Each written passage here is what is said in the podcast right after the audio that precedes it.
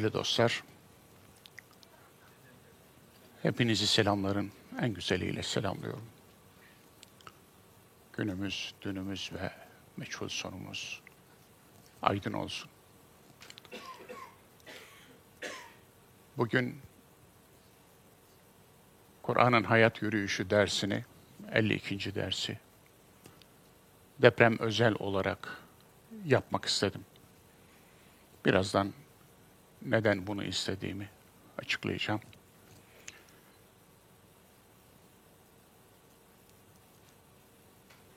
Başka türlü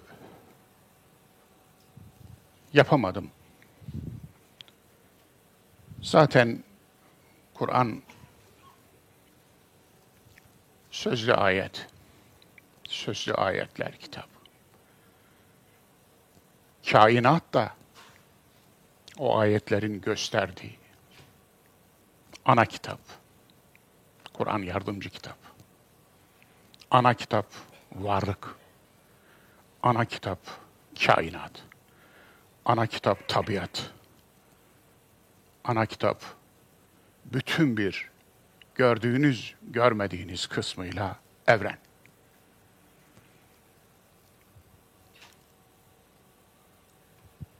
Ana kitabı gösteren ayetler aslında bizi bugüne hazırlıyordu.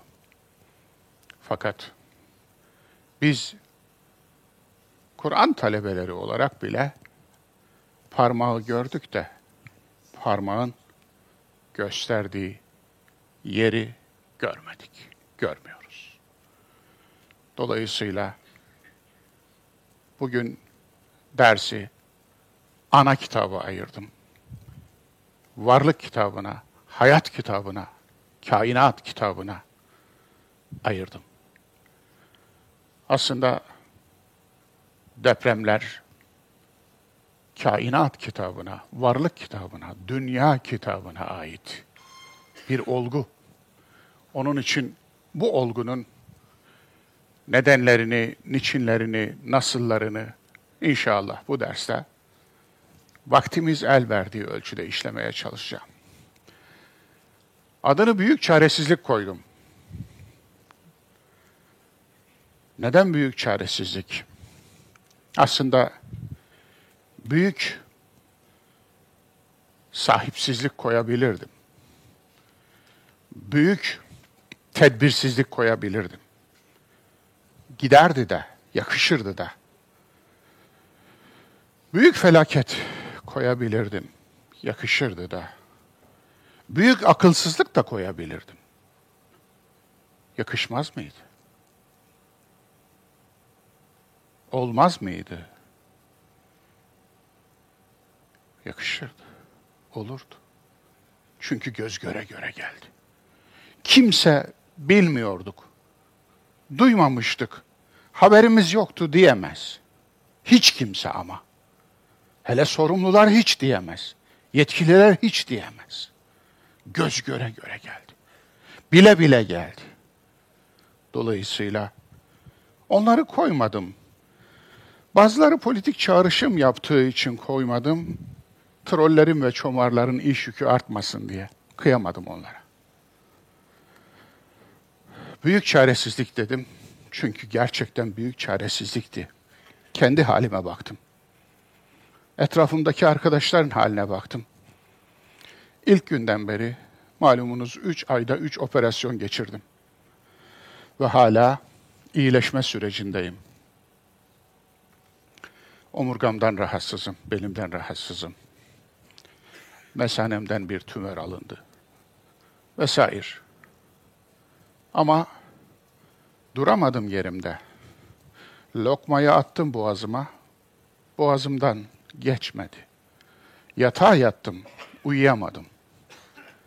Sizlerin içinde de benim gibi olanlar vardır mutlaka. Beni kimse durduramazdı bu gibi şeylerde. 2005 yılında, 2004 yılının Aralık ayında ta Sumatra'da, Banda Aceh'de korkunç bir tsunami oldu. 300 bin insan hayatını kaybetti. Ve hemen ertesinde oradaydım. Gözlerimle gördüm. Büyük felaket nasıl olur? Nedir? Bilmem kaç bin tonluk bir geminin karanın 300 metre içerisinde yattığını gördüm. 300 metre. Kilometrelerce şehrin olduğu bölgede bir tek ama bir tek taş bırakmamıştı tsunami.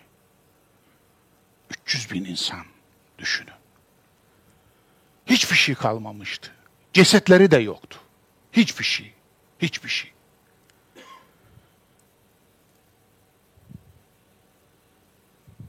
Yardım elimizin önderliğinde Sadık Bey ile beraber Pakistan depremine gittik.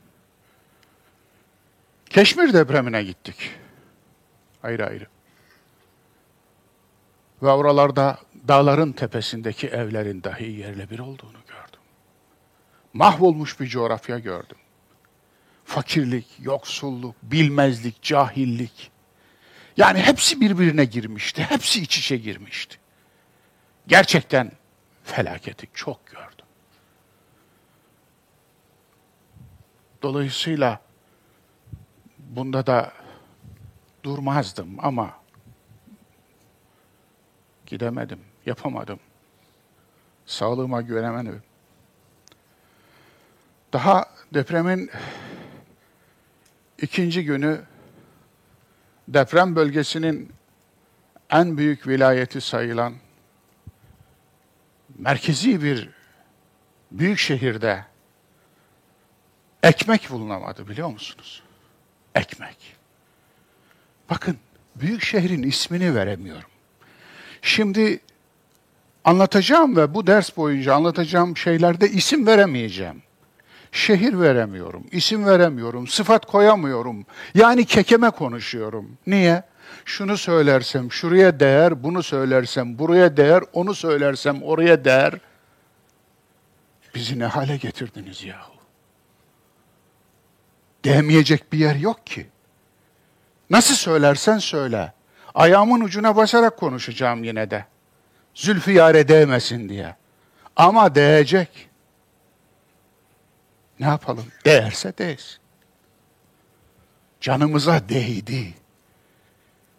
Bam telimize değdi. Vicdanımızın ta ortasına değdi.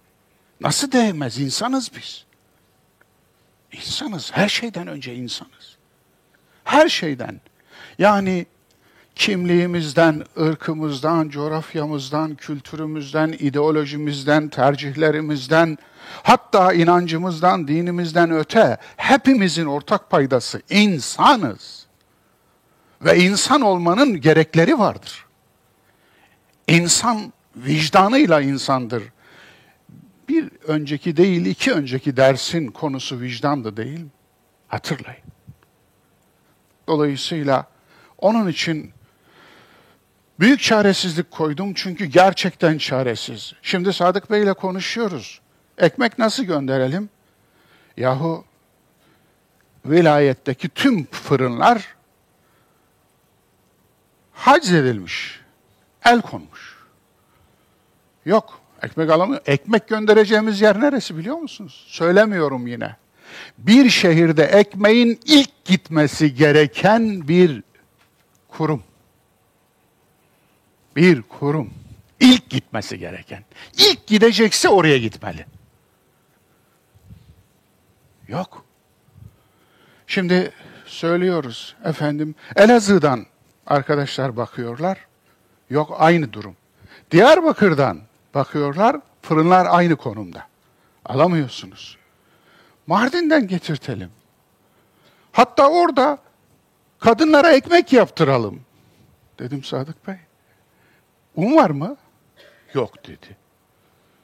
E ne hangi unla yapacak? Evlerde kullanılan unla. Evlerdeki un ne kadar olabilir ki? Ne olabilir ki? Vesaire. Bir de hercümerç var. İşin o tarafı da ayrı bir hadise. Su yok. Çok ilginç. Yani ilk üç gün, dört gün bir şey yoksa beşinci gün bir şey çok. O da ayrı bir problem. O da ayrı bir organizasyon depremi. İlk üç gün susuzluktan ölüyor insanlar. Dördüncü gün suları koyacak yer bulamıyorsunuz. Ekmeğe koyacak yer bulamıyorsunuz. Bu da af ayrı bir hadise. Tabii ki bu hadisenin kendisi büyük. Büyük ama e, bu memleket de büyük. Biz çadır değiliz. Patagonya değil. Dolayısıyla kardeşlerimize bir kardeşimiz beş tır su vaat etmiş. Tamam efendim. Görüşüyoruz. Hocam tır bulamadık. Tırların tamamı görevlendirilmiş. Tırların tamamı yardım faaliyetinde. Tır yok piyasada. Tamam dedim o bende. Hemen etkili ve yetkili bir dosta telefon ettim. Baş üstüne hocam dedi. Ayarlamış.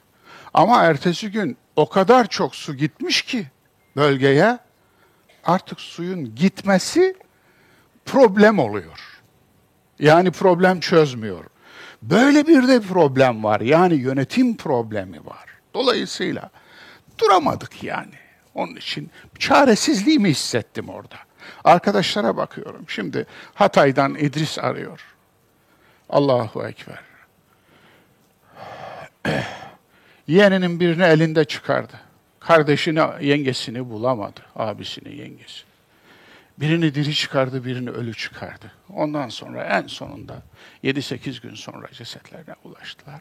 Ve gerçekten donuk gibi. İlginçtir. Deprem hakkında çok e, ilginç bir deprem edebiyatı vardır. Neyini bilirsiniz bilmiyorum. Mesela Bayburtlu Zihni'nin bir deprem şiiri vardır. Bayburt depremi. Geçen yüzyılın sonlarında sanırım olan bir deprem bu veya 20. yüzyılın başlarında olan bir deprem. Yani gerçekten ciğeri parçalayan bir şiirdir Bayburtlu Zihni'nin deprem şiiri. Onun gibi birçok şiir vardır. Bazılarını okudum ben. Bazı kitaplarda, romanlarda harika deprem tasvirleri vardır. Fakat edebi tasvir açısından depremi en güzel tasvir eden edebi tasvirin ben Kur'an'ın Hac suresinde gördüm. Emziklik anneler o depremde diyor bebeğini unutur. Hamile anneler bebeğini düşürür. İnsanlar içmemiştir ama sarhoş görürsün. Sarhoş gibi, deli gibi ne yapacaklarını bilmez halde onları o halde görürsün. Müthiş bir deprem sahnesidir o. Dolayısıyla Haç suresinin 1, 2, 3 ayetleri ilginç bir deprem şeyi verir. Evet, çaresizliğini gördüm.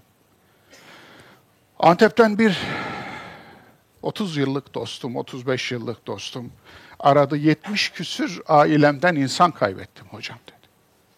Hatay'dan bir talebem aradı 30 küsür yakınımı kaybettim hocam. Efendim. Malatya'dan bir talebem aradı. Malatya'nın neredeyse yüzde kırkı yok hocam dedi. Ne kadar mübalağa, ne kadar değil. Bir şey söyleyemem, görmedim.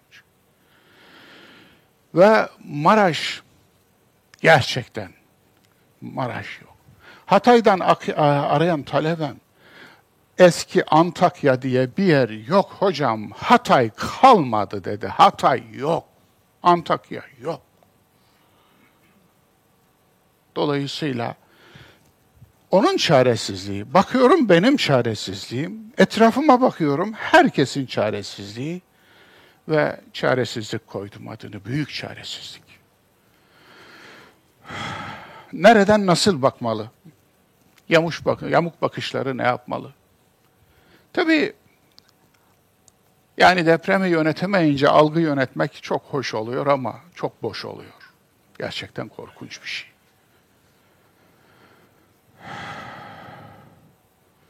Önce küçülteceksiniz. 7-4 falan diyeceksiniz akşamlara kadar. Efendim. Bile bile. Ondan sonra da büyüteceksiniz. Bilmem kaç atom bombası falan edebiyat yapacaksınız. Ayıptır. Olmaz böyle.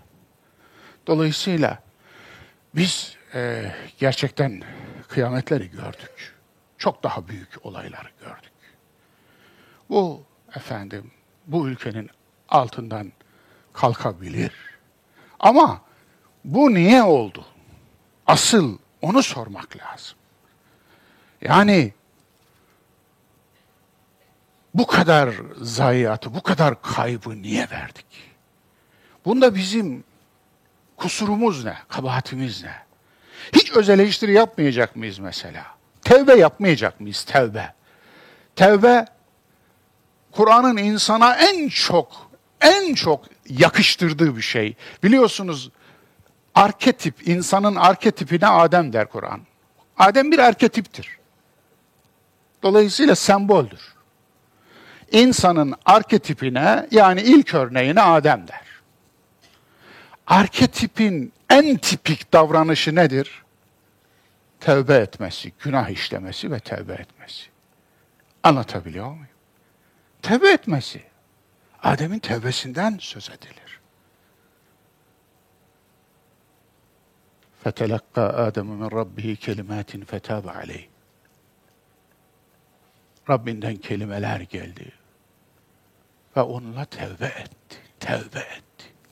Yani tabir caizse insanın ilk öğrendiği kelimeler tevbe etmek. İnsanın insana tevbesi özür dilerim, insanın Allah'a tevbesi estağfurullah. Yapmamalıydım. İnsanın kendisine de tevbesi var, öz eleştiri. Öz eleştiri, tevbe.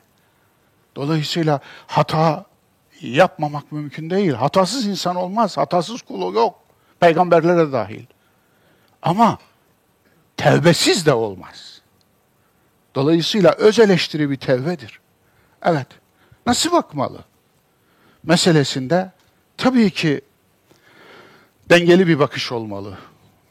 Hakkı teslim etmeli ama bir yandan da mutlaka ders almalı, ibret almalı ve mutlaka bugün konuşacağımız şeyler bir sonraki deprem geldiğinde artık böyle karşılamamalıyız. Karşılayamayacağımız bir bilinçle donatmalı bizi. Bir şuurla donatmalı bizi. İşe yaramalı yani. Evet. Yapıcı eleştiri bu anlamda çok önemli, çok. Kader mi? Kısmet mi? Kader ne? Bugün kader derince insanların aklına gelen yazgı. Alın yazısı da diyorlar ya.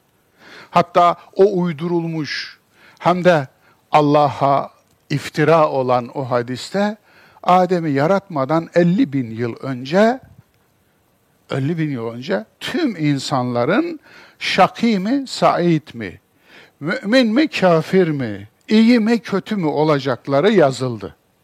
Hayda. Firavun hadi hesap gününde çıkıyor. Ver bakalım hesabını. Niye firavunluk yaptın?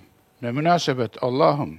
Sen beni doğmadan, Adem doğmadan 50 bin yıl önce zaten yazmışsın. Benden niye hesap soruyorsun? Sen, senaryoyu sen yazdın, ben oynadım yani. Yazdığın senaryoyu oynadım diye şimdi hesap mı vereceğim? Derse ne diyeceksiniz? Gel bakalım katil, niye öldürdün? Ne demek ya Rabbi? Ödül alacağımı düşünüyorum çünkü yazgın bu. Kaderim bu. Ben kaderimin gereğini yaptım. Dolayısıyla ne yazdınsa ben onu oynadım. Bunu mu, böyle mi düşünüyorsunuz? Mahkemeleri niye tutuyorsunuz o zaman? Niye mahkemeye veriyorsunuz? Niye hakim istihdam ediyorsunuz? Hukuk diye bir şey niye var? Olmaması lazım. Sıfırlayın bunları. Böyle yapacaksanız müteahhitleri niye tutukluyorsunuz? Kader planıysa eğer. Kaderi adamın. Onun kaderi de bu. Dolayısıyla kaderini yerine getirmiş yani. Müteahhitin suçu ne? Eğer gerçekten onun suçlu olduğuna inanıyorsanız o zaman o suç zinciri içinde zurranın son halkası o, son deliği. Öbürlerine ne yapacaksınız? Niye hiç çıt yok? Evet gördüğünüz gibi kader ne? Kader Kur'ani anlamda ki en tipik ayet bu konuda Kamer suresinin 59. 49. ayet affedersiniz son ayet yani. Nedir? Biz her bir şeyi bir kadere göre yarattık. Bir kader ile yarattık. Ne demek bu? Ölçü. Bir ölçü ile, bir standartla yarattık. Her şeyin, benim yarattığım her şeyin bir standardı, bir ölçüsü var. Yani ölçüsüz iş yapmam. İşte varlıktaki matematik budur. Kainattaki matematik budur. Gerçekten de enerji eşittir mc kare. Bu maddenin matematiğidir, maddenin kaderidir. Yani enerji maddeye dönüşür, madde enerjiye dönüşür. Kainattaki her şey dönüşür, sürekli dönüşür. Fazlar arasında. Gazdan, sıvıya, sıvıdan, katıya, katıdan, plazmaya, plazmadan, süper iletkene neyse işte fazlar arasında dönüşür durur. Dolayısıyla bu bir kaderdir işte. Hiçbir şeyin sabit kalmaması ve kainatta yaratılmış olan her şeyin değişime tabi olması bir kaderdir. Sünnetullah'tır. Velen tecideli sünnetillahi tebdila. Velen tecideli sünnetillahi tahvila. Allah'ın yasasında bir değişme bulamazsın, bir bozulma bulamazsın. Yani yasa devam eder. Değişmek Allah'ın yasasıdır, değişmek değişmez. Her şey değişir yani. Ama her şey. Dolayısıyla süreçlilik. Alın kader buydu. Bizde kader kısmet oldu. Kader yazgı oldu. Kader Adem yaratılmadan 50 bin önce yazılan alın yazısı oldu çıktı. Nasıl bir nasıl bir uydurmanız var? Nasıl bir hurafeniz var? İnsanları nasıl sorumluluğa davet edeceksiniz? Nasıl sorumlu davranmaya çağıracaksınız? Niye sorumlu davransınlar böyle inananlar? Böyle inanan hesap verir mi? Bir de diyorlar ki niye hesap vermiyorsun? Niye versin ki? Niye versin ki? O yazgı diye inanıyor. Alın yazısı diye inanıyor. Nasip mi, ecel mi? Nasip mi? Küçücük bebenin, bebelerin ölümü nasip mi? Nasıl nasip oluyor ya? Aynı şirket yapmış. Şuradaki bina çökmüyor, buradaki bina çöküyor. Bunun nasibi ölüm, bunun nasibi hayat öyle mi? Peki kolonları kesenin nasibine? Ne? Tokyo'da oturanın nasibi hayatta kalmak, Toki'nin etrafında oturan mahallelerde oturanın ki ölüm öyle mi? Bu mu? Buna nasip mi diyeceğiz? فَاَنَّا تُؤْفَكُونَ Nasıl da savruluyorsunuz? Bu nasıl bir akıl? Var mı akıl? Dolayısıyla ecel bu mu? Hayır ecel bu değil, ecel değil bu. Harika tarif etmiş bundan 1200 sene evvel, 1100 sene evvel. O muhteşem alim. Ecel, üç hassanın hayatın kendisine tabi kılınmasıdır. Solunum sistemi, sinir sistemi ve dolaşım sistemi, kan dolaşım sistemi. Üç sisteme bağlamış. Bundan 1100-1150 sene evvel. Düşünebiliyor musunuz? Eceli tarifine bakar mısınız? Bu üç sistem iflas ettiği zaman ona ecel denir diyor. Yani ecel Allah'ın takvimin yaprağında kıvırması değildir. Takvim yaprağını kıvırması değildir. Nedir ya? Bu üç sistem, solunum sistemi, sinir sistemi ve kan dolaşımı sisteminin iflas etmesidir. Bunlar iflas ederse ona ecel deniyor. Kelle koltukta üç gün savaşılmaz. O sadece ve sadece destanda olur. Anlatabiliyor muyum? Genç Osman destanında olur. O olmaz yani. Allah'ın yasasında bir değişme bulamaz. Olmaz o iş. Dolayısıyla biz bunlara da inanmadık zaten. O destanlara inandık, hikayelere inandık, hurafelere inandık, yalanlara inandık, uydurmalara inandık, inandık da bir türlü hakikate inanmadık. Varlığın varlığın tabi olduğu yasalara inanmadık. Doğa yasalarına inanmadık. Halbuki onlar imanın konusu da değil, bilimin konusuydu. İmanın konusu gayiptir. Yani cennet, cehennem, ahiret, Allah bunlar metafizik, metafiziğe iman edersiniz veya etmezsiniz. Ama fizik Haşr suresinin 22. ayetinde iki ayak sayılır değil mi? Gayb ve şehadet. Gayb İşte belli. İdraki aşan hakikatler, metafizik. Şehadet ne? Şehadette varlık, görünen veya bilinen varlık. Dolayısıyla o bilimin konusudur. Şehadet bilimin konusudur. Gayb imanın konusudur. Deprem imanın konusu değildir ki inanasın veya inanmayasın. İman konusu değil ki. Depreme iman edilmez ki. Dolayısıyla insan işte insanın yaşamındaki yaşama bağlayan şeylere de iman edilmez. O bilimin konusudur. Vesaire. Evet, sebebi iman zaafı ve günahkarlık mı?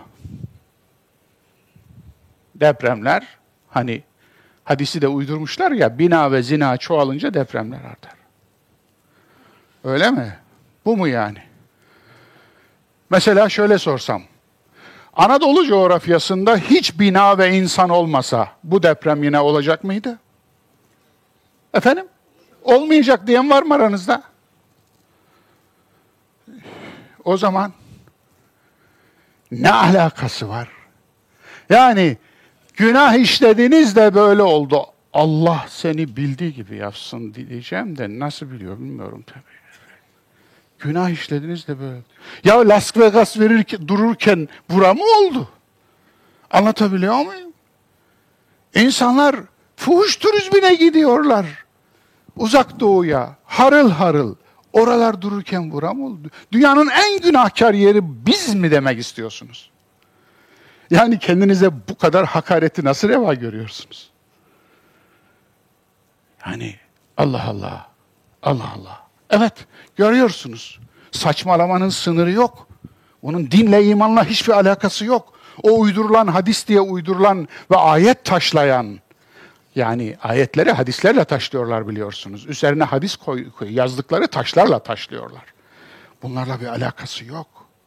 Dolayısıyla Anadolu coğrafyasında hiç bina olmasaydı, hiç insan olmasaydı bu deprem yine olacak mıydı? Kesinlikle olacaktı. Hiç insan yokken de bu deprem oluyordu çünkü. 10 milyon yıl evvel de oluyordu.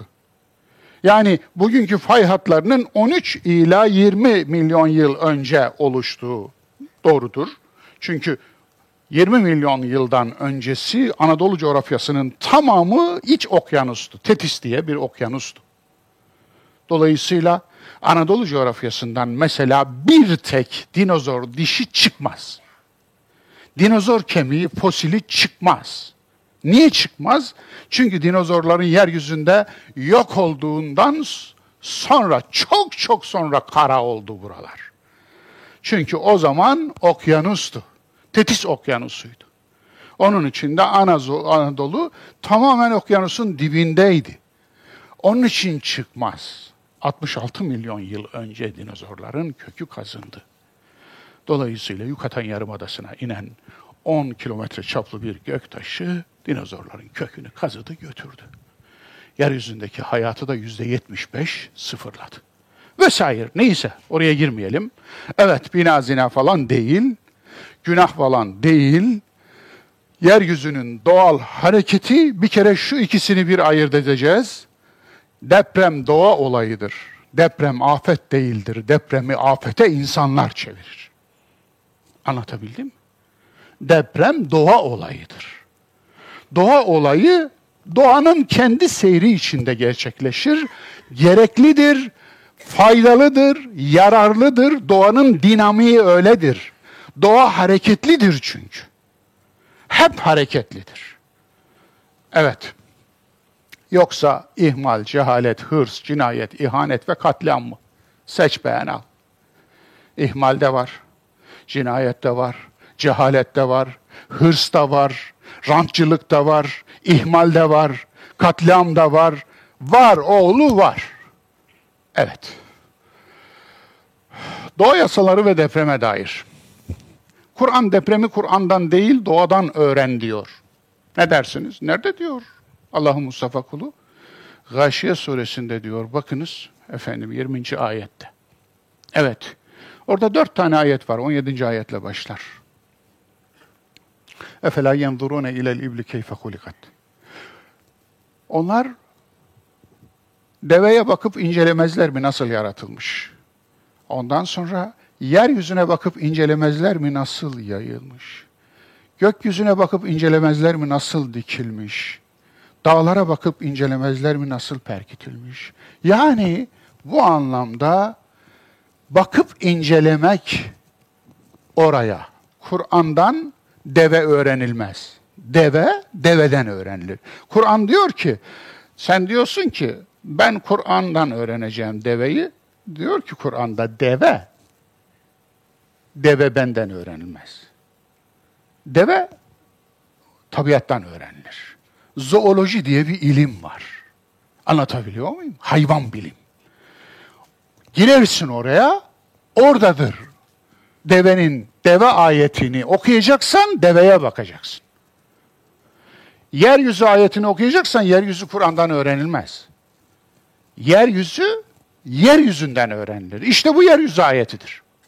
Anlatabiliyor muyum? Bu yeryüzü ayetidir. Onun için efela yenzurune ile ve ile semai keyfe rufiyat ve ile ardı keyfe sutihat. Evet. Nasıl döşenmiş, satık kılınmış. Tam işte satık kılınma bu. Deprem neyin eseri? Deprem tektonik plakaların eseri. Yeryüzü tamamen plakalardan oluşuyor. İster deniz olsun, ister kara olsun. Hepsi plakalar üzerinde. Bu plakalar birbirinden ayrı fakat birbirini itiyor. Sürekli hareket halinde bu plakalar. Üzerindeki su da değişiyor. Hiç durmadılar. Biliyor musunuz yeryüzünün tarihinde beş kez, tam beş kez yeryüzünde tüm karalar bir araya geldi ve denizler bir araya geldi. Tek deniz oldu. Karalar bir araya geldi. Tek kara oldu. Buna süper kıta deniliyor. Bu 500 milyon yılda yaklaşık bir oluyor. Beş kere oldu bu. 500 milyon yılda bir karalar tek kara, denizler tek okyanus oluyor. Ondan sonra da farklı şekiller alıyor. Dolayısıyla hareket halinde. Anadolu plakasını Arap plakası itiyor, Arap Yarımadası. Arap Yarımadası'nı Afrika plakası itiyor. Bunlar birbirini itiyorlar ve bu itişte her sene bir ila bir buçuk santim yürüyor. Yürüyoruz yani. Sürekli yürüyoruz. Mesela Erciyes 100 yılda bir metre yükseldi. 3916 idi, 3917 şu anda. Van Gölü her sene bir miktar yükseliyor. Anlatabiliyor muyum? Yükseliyor yani. Farkında mısınız? Veya değil misiniz? Efendim. Çünkü tektonik hareketlilik daima devam ediyor. Yeryüzü hareketli. Yeryüzü hareketli. Yeryüzünün içi hareketli. Canlı diyemiyorum, canlı değil ama hareketli. Can başka bir şey. Ama hareketli. Müthiş bir hareket var. Dolayısıyla yeryüzünün müthiş bir dinamiği var. Dolayısıyla beş kez bu olmuş, bu devam ediyor. Bu deprem 3 ila 19 metre arası attı biliyor musunuz? O yılda bir santim olanı Yılda 3 ila 19 metre, bazı en geniş yerinde 19 metre. En dar yerinde 2 metre, hatta 1 metre attı. Göreceğiz. Dolayısıyla jeoloji olmadan teoloji saçmalar. Bu gerçek. Onun için teolojiyle uğraşanlar, din bilimiyle uğraşanlar mutlaka doğa bilimini en azında temel düzeyde bilmek zorundadır. Onun için matematik, fizik, kimya, biyoloji bilmeyen teoloji okumasın. Yapmasın, saçmalar. İnsanları dinden eder. İnsanları dinden çıkarır. Yani ateizmi üretmek efendim şubesi olarak çalışır. Ve kimseye de kızamazsınız, bir şey diyemezsiniz. Çünkü teoloji, jeoloji yoksa teoloji saçmalar. Bakalım jeoloji ne diyor? Ne diyormuş? Evet.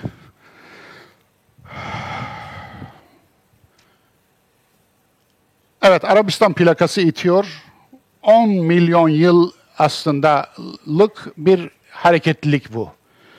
Geçmişten günümüze kadar 10 milyon yılda bakınız orada milyon yılı yazıyor efendim görüyorsunuz.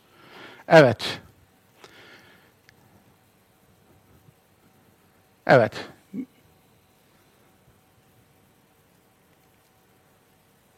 Ege adalarının nasıl oluştuğunu gördünüz mü bilmiyorum. Anadolu plakası doğudan itiliyor. Batıda bakınız efendim Toros Dağları ve devamındaki dağlar, sıra dağlar nasıl oluşuyor?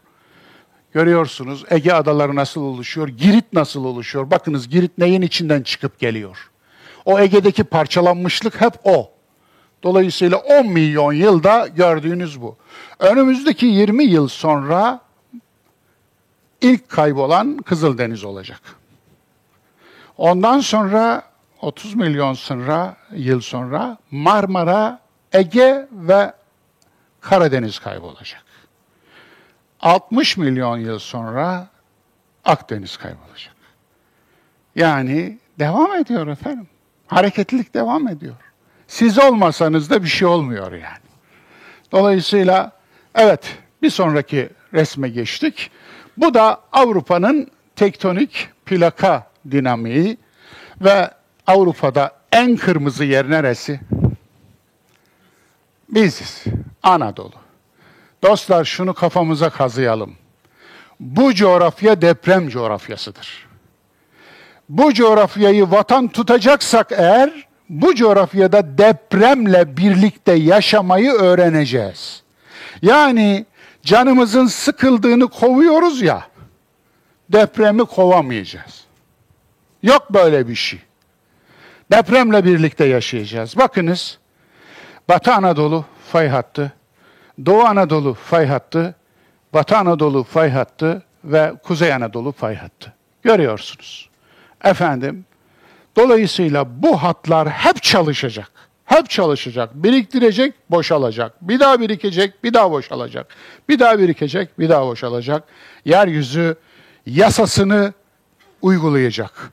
Allah yasasını bozmayacak senin benim hatırıma. Yok böyle bir şey ve deprem aslında bir nimet.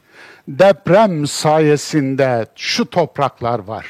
Deprem sayesinde dağlar var. Sıra dağların tamamı depremselliğin ürettiği şeylerdir. Mesela Himalayalar yoktu 60 milyon yıl önce. Madagaskar adasından, o tarafından bir kıta, küçük bir kıta geldi, geldi, geldi. Bugün Hindistan dediğimiz kara parçası ve vurdu Avrasya'ya.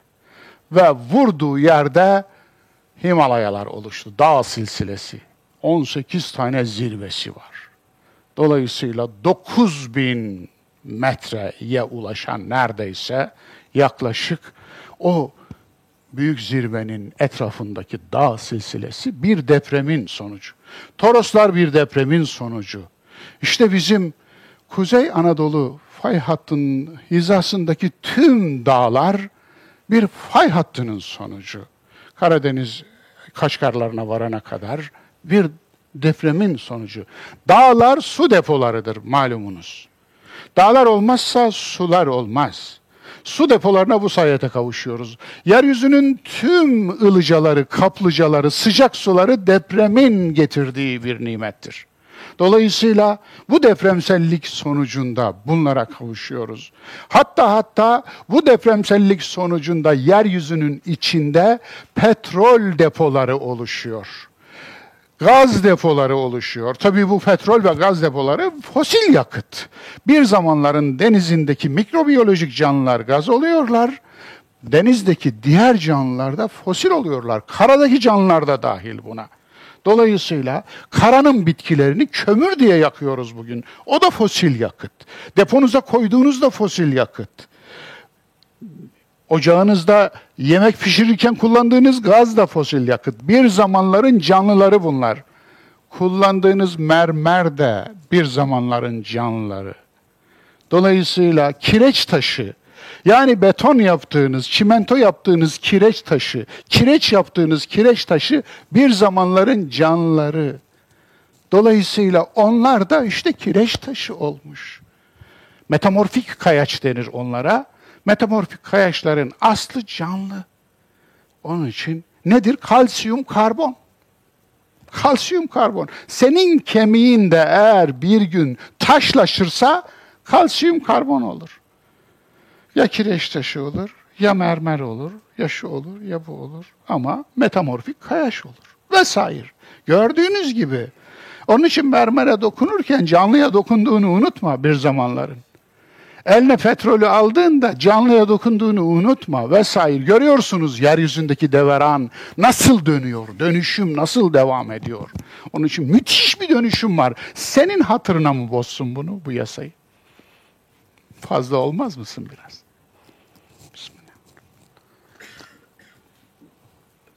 Evet, gördüğünüz gibi en tehlikeli yerde biz varız.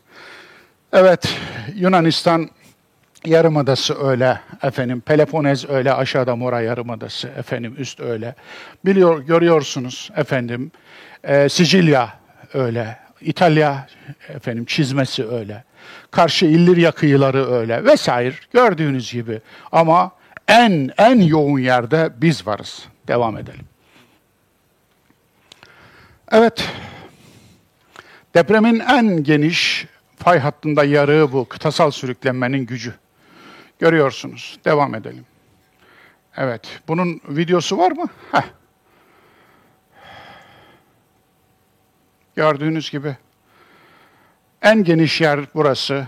Burada açmış. Aslında bu tabii yüzeydeki yarıklar. Kanyonlar falan nasıl oluşuyor? Buradan yola çıkın. Anadolu'da bir yığın kanyon var. Grand Canyon var işte Amerika'da, Arizona'da. Efendim, kanyonların nasıl oluştuğu gözümüzün önünde bir kanyon oluştu bakınız. Dolayısıyla. Evet, Ihlara Vadisi'ne gidenler biliyorlardır. Efendim, Nevşehir bölgesinde. O da bir kanyondur. Onlar hep işte bu depremsellik sonucunda oluşuyor. O kanyonlarda da muhteşem şeyler gerçekleşiyor. Irmak yatakları nasıl oluşuyor? Evet. Tamam, Geçelim. Evet. Farkında mısınız? Orada olan şeyin. Bakın. Fay hattı bu. Bakın.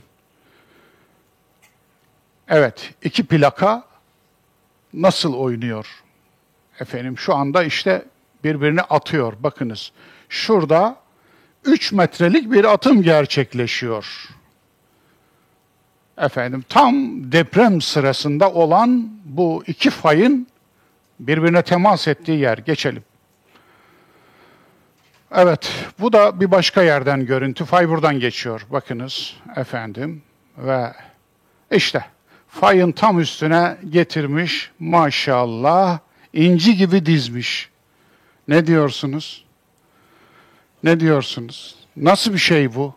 Nasıl bir şey bu? Yani Bilime inanılmaz, bilim iman edilecek bir şey değil. Bilime tabi olunur. Bilime uyulur. Dolayısıyla bakın buyurun geçelim. Evet.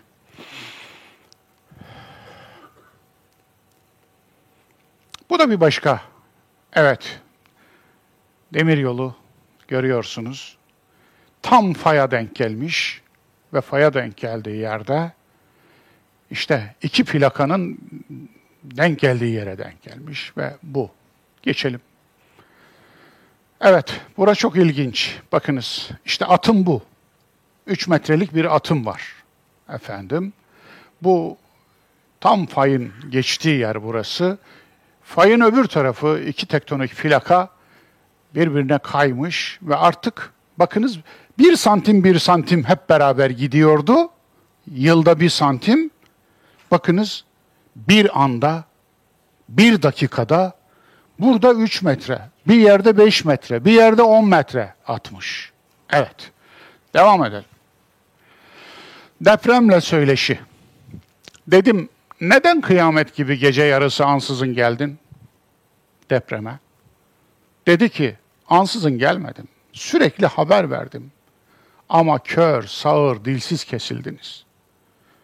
1999 depremini yaşadık.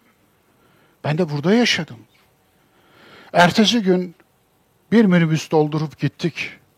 Cesetlerin altından çığlıklar geliyordu binaların altından affedersiniz. Çığlıklar geliyordu. Daha çok tazeydi efendim. Önce Yalova'ya vardık. Sonra Adapazarı'na vardık. Çok ilginç şeyler. Baktım gerçekten de bir mahşer gibi, bir kıyamet gibi, küçük bir kıyamet gibi efendim. Ve insanlar çaresiz, yine çaresiz. Çünkü kitap gibi dürülmüş koca koca binalar, altlarından çığlıklar geliyor. Vesaire. Adapazarı'na gittik. Adapazarı'nda Çark Caddesi, bilenler bilirler. Adapazarı'nın en merkezi caddesidir. Yerle bir olmuş. Orada bir çorba kuyruğu var. Kuyrukta bir ihtiyar. Arkadaşlar dediler ki hocam görüyor musunuz bu ihtiyar? Evet. Şuradaki iki bina onundu. Her birinde 45'er dairesi vardı. Efendim. Her şeyini kaybetti. Çocuklarını, torunlarını, gelinlerini, her şeyini ve servetini. Yani 45 yılda biriktirdiği 45 saniyede gitmiş. Ve gerçekten de canlı bir cenaze gibiydi. Tek bir yere bakıyordu. Yani bir depremin insanı neye dönüştürdüğünü orada gördüm.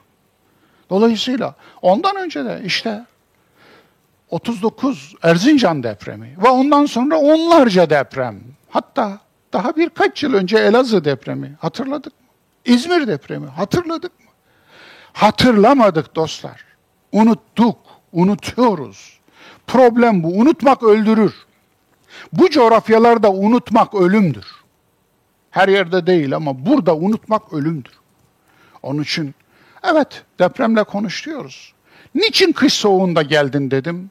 Dedi ki 23 yıl önce Ağustos sıcağında gelmiştim. Ne tedbir aldınız?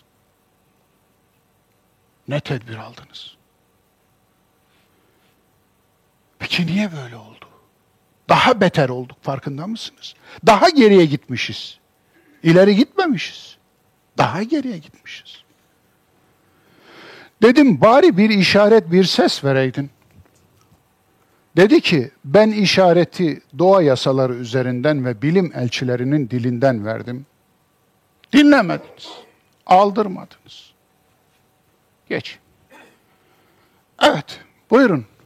Erzincan depreminden sonra yazılmış bir köşe yazısı. Efendim, yani Safi Dümer yazmış. 1940'ta yazmış. Yerin altından önce yerin üstündeki binaların vaziyetlerini incelemek için Erzincan şimdi çok faydalı bir sahadır. Aksi halde gene birçok ölümlere şahit olacağız. Ne oldu? 1940 yılında yazmış bunu adam. Ne değişti Allah aşkına? Evet. Hiç mi ibret almıyorsunuz? Diyordu ya Kur'an. Efela yetedebberun. Hiç mi ibret almıyorlar? Dolayısıyla geçelim. Evet. 11 Nisan 2022 Profesör Doktor Naci Görür bundan sonraki depremin Doğu Anadolu fayı üzerinde Erkenek, Çelikan, Kahramanmaraş, Türkoğlu yörelerinde olacağını, oralarda olacağını düşünüyorum dedi. Alın yahu. Bu bir bilim adamı. Bilim elçisi. Hani peygamberler elçidir ya. Peygamberlik bitti, elçilik devam ediyor. Bu da bilimin elçisi. Peygamberler vahyin habercisi. Bu insanlar da bilimin habercisi. İşte yeryüzü tektonik plakalarının habercisi. Bakın o elçi haber vermiş. Ama biz elçiyi yalanlamışız. Evet yalanlamışız ya. Tutmamışız. Söz tutmamışız. Dinlememişiz.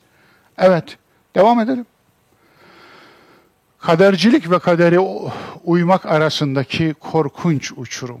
İşte burada o geliyor. Neden duymadık? Neden inanmıyoruz? Neden ibret almıyoruz? Neden ders almıyoruz sorusu geliyor bu coğrafyanın sadece Anadolu coğrafyasındaki Müslümanlar değil, Doğu, Şark coğrafyasındaki Müslümanların kader inancını nasıl çarpıttıklarına geliyor. Nasıl çarpıttıklarına. Bir kere kader ölçü ve standart demek. Evet, Kamer suresi 49. ayet söylemiştim. Kaderi itikat yaptılar ya. İtikat değil ki kader. Kader aslında gayipla ilgili değil, fizikle ilgili Kur'an'da. Kaderin Kur'an'da geçtiği yer Allah her yarattığını hani bir ölçüyle yaratır var ya. Bir ölçüyle, bir standartla. Yani Allah'ın bir standardı var ya. Bir standardı var. Allah'ın standardı olmasın mı? Sünnetullah işte o standart üzere işler. Peki kader aslında Kur'an'da kavram olarak fizik yasaları için kullanılır. Fizik, fizik. Biz onu metafiziğe aktardık. İman esaslarının arasına bir sahtekarlar bir yerde çıktılar. Ta 200 yıl sonra Resulullah'tan koydular onu yerleştirdiler. Ta 200 yıl sonra. Anlatabiliyor muyum? Oysa iman esaslarını Kur'an'da sayan ayetler belli. Bakara 177, Nisa 136. Açın bakın bakalım kadere iman maddesi yok orada. Yani kader kelimesiyle iman bir arada hiçbir cümlede, hiçbir ayette, hiçbir pasajda gelmez. Peki nasıl yaptık bunu? Nasıl yaptık bunu? Bunun uzun uzun ayrıntılarını Kader Risalesi isimli Hasan el-Basri'nin Kader Risalesini hem neşrettim, hem çevirdim, hem şerh ettim. Dolayısıyla efendim oraya havale ediyorum. Çok ayrıntısını, çok iyi okumak isteyenleri Kader Risalesini okumaya efendim bırakalım ve biz devam edelim. Ölçü ve standart. Kader bu topraklarda sorumsuzluğun adı oldu biliyor musunuz?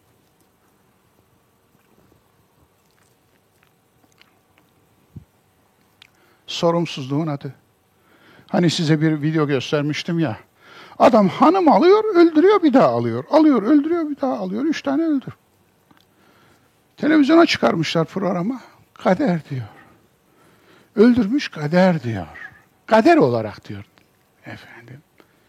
Takdir olarak diyor.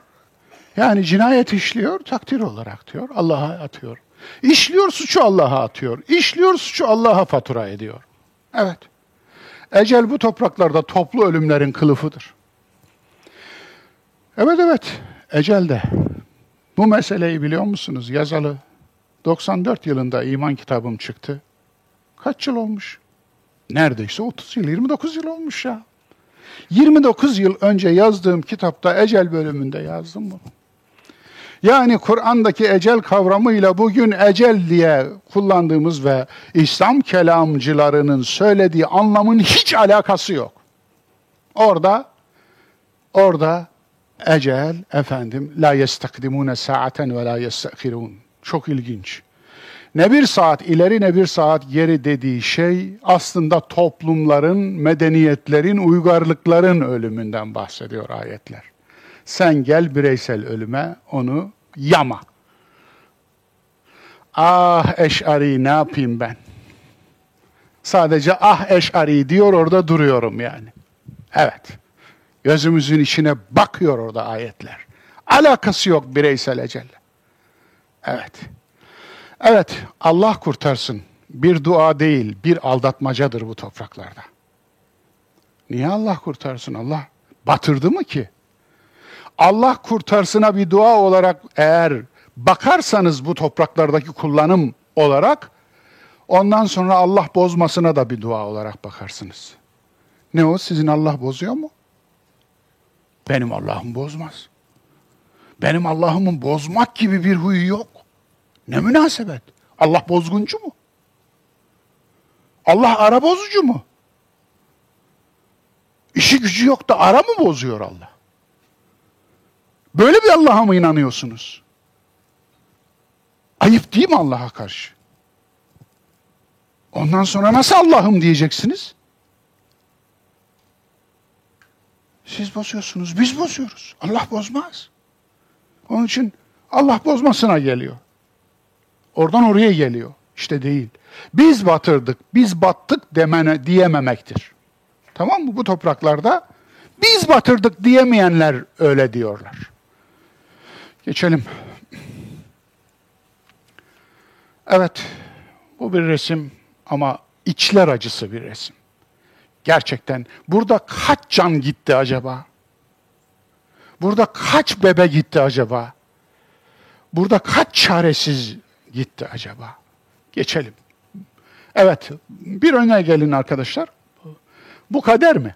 Kadere uyan böyle mi bina yapar Allah aşkına?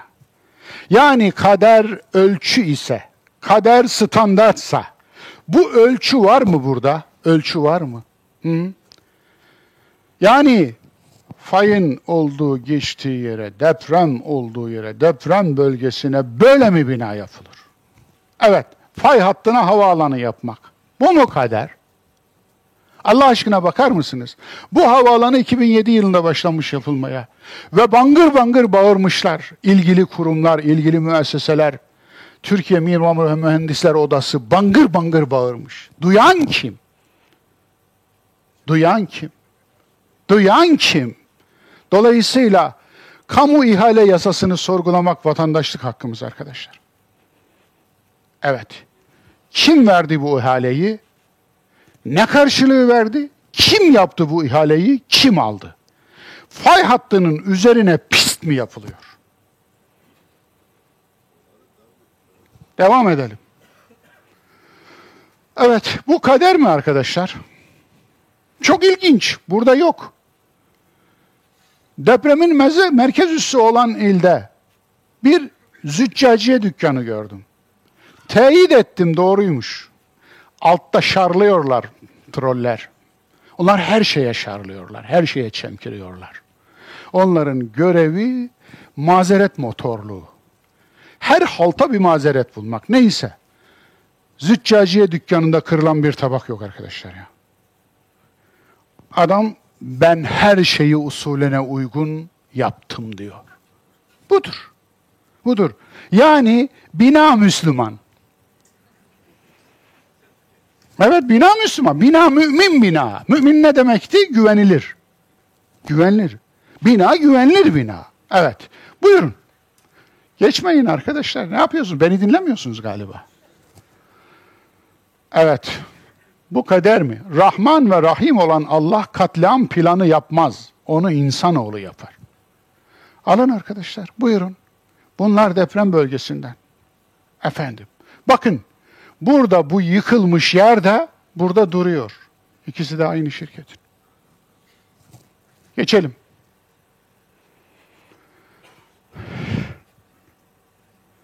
Duvar yapmamışlar. Yan binanın duvarını kullanmışlar. Aman Allah'ım. Anadolu irfanına sayın bunu. Bakın duvardaki objeler dahi yandaki yıkılan evin objeleri. Bakın Çocuk odasının duvarı. Efendim, duvarda mı çalınır ya? Tamam her şeyi çaldın. Demirden çaldın, çimentodan çaldın, binadan çaldın da duvardan da mı çaldın? Geçelim. İsraf değil güzelim. Yok. Evet troll der. Ka- kaderci kadere sırt dönendir ve suçludur. Evet kaderci diyoruz biz ona kaderi bahane edip sorumluluğunu üstlenmeyen insana kaderci diyoruz. Sorumluluğunu ya biz yaptık demek yerine kaderin üstüne atana kaderci diyoruz. Kadere sırt dönendir ve suçludur. Sorumlu insandır dostlar.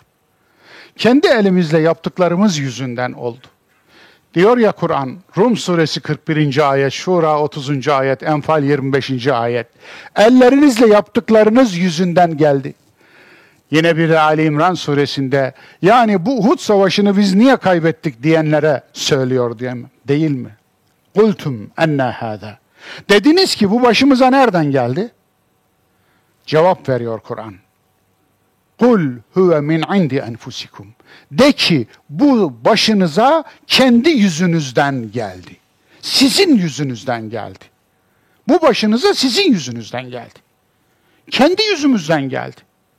Dolayısıyla işte başımıza gelen kendi yüzümüzden, kendi ellerimizle. Geçelim. İzmit Tavşancıl örneği. İzmit depreminde Tavşancıl diye bir yer var. Değerli dostlar, güzel kardeşlerim. Tavşancıl İzmit depreminin olduğu merkezi yerde işte deniz kenarında güzel bir beldemiz. Çalıştıralım, videoyu oynatalım. Başkanım merhaba, merhaba. Kaç ölünüz var? Ölü yok. Kaç yaralınız var? Yaralı yok. Ağır hasar, ağır hasar binamız yok. Orası neresi?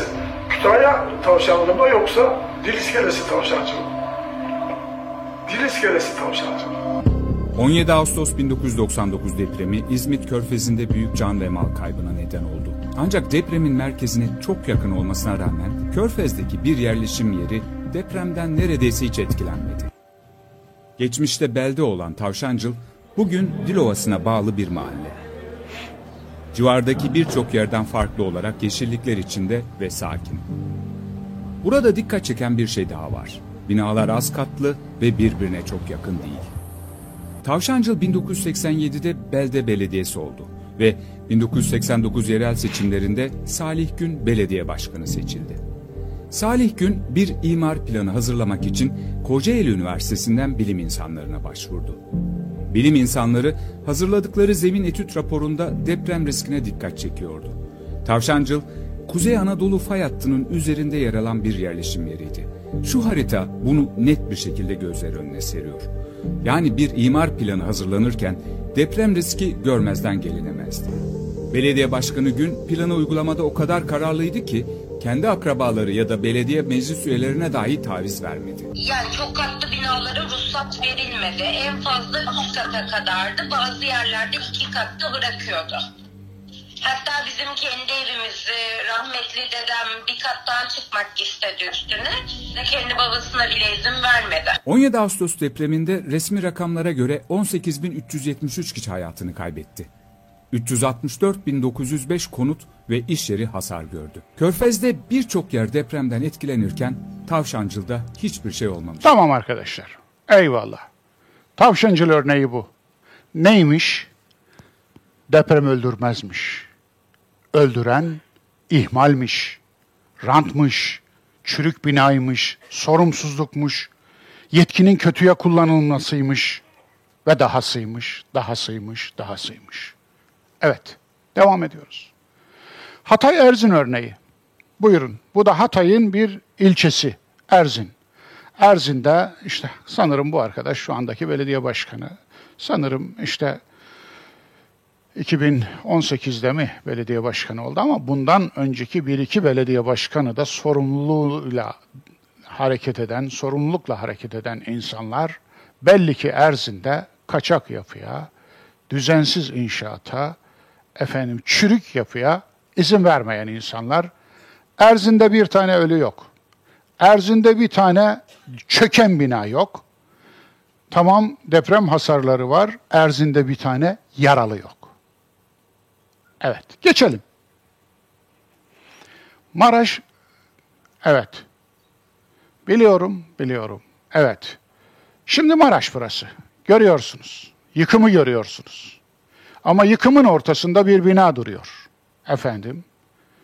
Ve bu bina sapasağlam. Bir tek camı bile kırılmamış. Ortada. Bu bina kadere, ölçü ve standart isyan, et, isyan etmeyen bir binadır dostlar.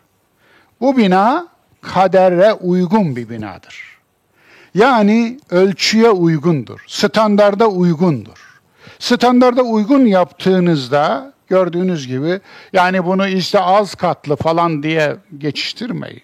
Bahane bulmayın. Mazeret motorluğu yapmayın. Bunun gökdelenini de gördüm. Benim komşum evvelki gün Malatya'dan geldi. Depremden hemen sonra gitti. 12 katlı bir otelin 12. katında yattım diyor hocam. Ama etrafındaki binalar yerle birdi diyor. Demek ki o 12 katlı otel ayakta kalmış. Niye ayakta kalmış? Tesadüf mü? Şöyle mi diyeceğiz? Yani diğerlerinin kaderi yıkılmak ve ölmekti, bununki ayakta kalmaktı. Böyle mi diyeceğiz? Allah'a iftira olmaz mı? Sünnetullahı olan Allah'a iftira olmaz mı? Ölçüsü standardı olan Allah'a iftira olmaz mı? Sorumlu davranan yani takva ehli ve ehlü takva ehlül mağfira. Yani huve ehlü takva ve ehlül mağfira. Yani sorumluluk ehli olan Allah'a ki hiç kimse hesap sormaz ama o sorumlu davranır. Böyle anlayacağız Allah'ın takva ehli olmasını. Yine Allah sıratı müstakim üzredir ayeti var. Hud suresi 56. ayet. Evet. İnne Rabbi ala sıratı müstakim. Benim Rabbim sıratı müstakim. Yani Allah nasıl dost doğru yol üzeredir? Allah'ın sadece gitmemizi istediği yol doğru yol değil, kendisine yol olarak seçtiği şey de doğru yoldur. Anlatabiliyor muyum? Yanlış yapmaz yani. Onun için yanlışı biz yapıyoruz. Devam edelim. Evet, bu da buyurun Hatay. Bu bina ayakta. Sapa sağlam ayakta. Ve görüyorsunuz. Mahvolmuş. Yıkıntılar gölünde sapa sağlam bir ada. Geçelim. Evet, depremin merkez üssü Pazarcık TOKİ konutlarının camı bile kırılmadı. TOKİ reklamı gibi olacak ama iyiye hakkını ver. Buyur. Demek ki olursa oluyor. Hani kaderdi? Hani yüzyılın felaketi, asrın felaketiydi. Asrın felaketi de bunlar ne geziyor? Ha? Ne geziyor bunlar? Bundan daha yeni binalar yıkıldı biliyor musunuz? O Rönesans otele ne demeli? Hı? Cennetten bir köşe diye satmışlar biliyor musunuz? Cennetten bir köşe diye satmışlar. Kaç yıllık bina? Daha eski bir bina da değil. 2010'lu yıllarda yapılmış. Ve yerle bir. Ve yüksek yüksek paralara yapılmış. Ne dersiniz? Malatya Spor'un kaç tane sporcusu gitti? Yedi tane. Malatya'nın en pahalı sitesinde, en değerli, en pahalı sitesinde oturuyorlarmış biliyor musunuz? Ve çok da birkaç yıllık binalarmış. Hadi buyurun. Efendim? Bir sene. Aman Allah'ım. Söyleyecek söz bulamıyorum. Bu ihaleyi kim yaptı? Bunlara kim ruhsat verdi? Kim iskan verdi? Evet. Kim imar affı getirdi? Yani ne diyeyim şimdi? Ne söyleyeyim? Evet. Geçelim. Japonya örneği. Çok ilginç. Bu Japonya'da 2011 yılında olmuş bir deprem. 9,1 şiddetinde. Bakınız deprem mesela 7,7 şiddetindeki bir depremle 9,1 şiddetindeki deprem arasındaki fark matematik fark değildir algoritmik diyorlar buna. Logaritmik diyorlar. Logaritmik farktır. Yani geometrik olarak çarpanla yükselir. Anlatabiliyor muyum? Yani şiddeti o gördüğünüz rakam farkı kadar değildir. Onun kat kat kat kat kat üstündedir. Dolayısıyla hadi buyurun verin de görelim.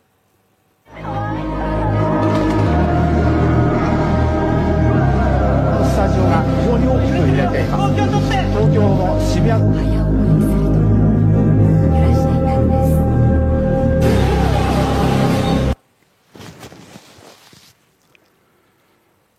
Bu ülke 1945'te yerle bir oldu. Yerle bir oldu. Evet. Bu ülke küllerinden doğan bir ülkedir. Anlatabiliyor muyum bilmiyorum. Yeryüzünde Anadolu fayı, Anadolu depremselliği 8'den büyük deprem üretmez. Bilim adamlarının söylediği bu. Bunun hesabı yapılıyor zaten. Her fay ne kadar deprem üretebilir? Tek tek tek tüm kırıklar işte 7,1, 7,3, 7,4, 7,5, 7,7, 7,8 yani biz biliyoruz, görüyoruz. Çünkü orada biriken stres miktarı, stresin birikeceği alanlar ve onun patlaması sırasında efendim ortaya çıkacak enerji. Bunların hepsi hesaplanabiliyor. Hepsi hesaplanabiliyor. Şu anda da hesaplanmış önümüzde deprem haritası var. Anadolu deprem haritası. Bu depremselliğin üreteceği şiddet ve bu şiddetin ortaya çıkacağı, çıkaracağı yıkım da hesap edilmiş. Anadolu'da 8'in üstünde deprem yok. Şili gibi değil. Japonya gibi değil. Buralar korkunç. Sekizin üstünde hatta dokuzun üstünde deprem üretebiliyorlar. Dolayısıyla biz niye böyle? Biz nerede yanlış yaptık? Neyi tutmuyoruz? Şimdi dönüyor, dolaşıyor, iş yine geliyor. Uydurulmuş dine dayanıyor. Ben nasıl uydurulmuş dinle mücadele etmeyim söyler misiniz? Ben uydurulmuş dinle mücadele ederken aslında depremde insanlar ölmesin diye mücadele ediyordum. Ben uydurulmuş dinle mücadele ederken Bozkurt ilçesinde dereye ev yapanları su alıp götürmesin, canlar gitmesin diye mücadele ediyordum. Ben uydurulmuş dinle mücadele ederken bu topraklar ahlaklı kalsın diye mücadele ediyordum. Ama işte gördüğünüz gibi. Devam edin. Evet, troll bilgi kirliliğine cer ve tadil. İspanyol sismolog Diaz, Türkiye'deki depremlerde Japonya'daki 9 birlik depremden 30 kat daha fazla enerji çıktığını söyledi iddiasını yalanladı. Teyit Orga konuşan Diaz, Türkiye'de 8 büyüklüğünde 30 deprem olursa Japonya'daki depremle aynı oranda enerji çıkmış olur dedi. Evet, düzeltmeye gerek yoktu aslında. Ama görüyorsunuz, yalanlarla bile uğraşmak için epey bir enerji sarf etmek lazım. Devam edin. Soru. İmanlı olduğunu iddia eden insanlar imansız binalar ve şehirler yapıyor. Evet evet. Bir müminin işi de mümin olmalı değil mi? İmanlı bina. İmanlı inşaat. Evet. Senin imanlı olup olmadığını işin gösterir. Kişi kişiyi işi gösterir değil mi? Yani yaptığın inşaatta da iman var mı? Yani güvenilir mi? Bir ona bakalım. Yavur dediği insanlar imanlı binalar ve şehirler yapıyor. Buyurun. Bu nasıl oluyor? Yani müminin yaptığı gavur bina, gavurun yaptığı mümin bina. Nasıl? Nasıl bir çelişki? Bu ne yaman çelişki? Evet, biz neyi yanlış anladık? Kişinin imanı mı, işinin imanı mı? Evet, kişinin imanı mı, işinin imanı mı? Beni işinin imanı ilgilendiriyor. Çünkü kişinin imanıyla Allah ilgilenir. Onun ölçüsünü, onun şeyini, karşılığını verecek olan Allah'tır. Çünkü kişinin kalbini Allah bilir, ben bilemem. Kalbini açıp bakmadım. Ama kişinin, işinin imanı beni ilgilendirir. Niye? Yaptığı evde ben oturacağım. Yaptığı şehirde ben yaşayacağım. Planladığı şehirde ben yaşayacağım. Yönettiği ülkede ben yaşayacağım. Öyle değil mi? O zaman tekrar ediyoruz. Kişinin imanını Allah'ı ilgilendirir ama kişinin işinin imanını imanı beni ilgilendirir. Evet. Yani iman neydi? Güven. Evet, güven veren bina. Güven veren şehir, güven veren ülke, güven veren yönetim. Geçiyoruz. Yaşamın bekçiliğini yapalım, ölümün bekçiliğini değil. Evet, biz ölümün bekçiliğini yapıyoruz arkadaşlar. Yaşamın bekçiliğini yapmıyoruz. Niye yaşamın bekçisi değiliz? Ölümün bekçisiyiz. Yani ölse de bir çok güzel bir tören düzenlesek diye bekliyor gibiyiz. Bakınız, harika selalar veriyoruz değil mi? Evet. Diyanetten bir ricam, benim ricamı tutmazlar da. Bu deprem gibi felaketlerde bu sela işinden vazgeçsinler. Sela demek bela demek. Sela demek ölüm demek. İnsanları diriyken öldürmesinler. Yapmasınlar bunu. Ayıptır, günahtır. Durumdan vazife çıkarmasınlar. Evet, siz de destekleyin bu ricamı. Yaşamı yücelten din dururken ölümü yüceltip yaşamı aşağılayan din uydurmayalım. Yaşamı yüceltiyor zaten. Yani Kur'an'ın bize sunduğu İslam yaşamı yüceltiyor. Hazreti Ebu Bekir'den bir örnek anlatmıştım hatırlar mısınız? Vefat etmek üzereyken bir kumaş getiriyorlar. O kumaş nedir diyor? Bunu sizi kefen olarak kullanacağız efendim diyorlar. Düşünün dönemin halifesi birini, birinci halife biliyorsunuz. İmparatorluk kadar bir yere hükmediyor o gün. Efendim. Size kefenli, kefen olarak getirdik diyorlar. o taptaze onun ona yaşayan bir insanın ihtiyacı var. Kabre gömülecek insanın değil diyor. Beni atacağınız bir beze gömün diyor. Biz bir beze sarın, kefenleyin, öyle gömün. Nasıl değişmiş değil mi? Nasıl farklılaşmış değil mi? O günkü hassasiyete bak, Hazreti Ebubekir'in hassasiyetine bak, bugünkü şeylere bak. Aman Allah'ım. Ölümden önce tedbir alacağınıza ölsün diye bekler cenaze törenine hazırlanırsınız. Yapmayın. Ölümden önce tedbir alın, yaşasın. Yani ölüsünden para, mevlidinden para, selasından para, yıkamasından para, namazını kıldırmasından para, efendim cenazesinden para, efendim ıskatından para. Yani tırtıklaya tırtıklaya bir ölse de paralar tırtıklasak diye düşünmeyin. Yapmayın bunu. Allah bu topraklarda çaresizliğin adı olmamalıdır. Allah çarenin adıdır çünkü. Allah deyince aklımıza çare gelmeli, çaresizlik değil. Evet, geçelim.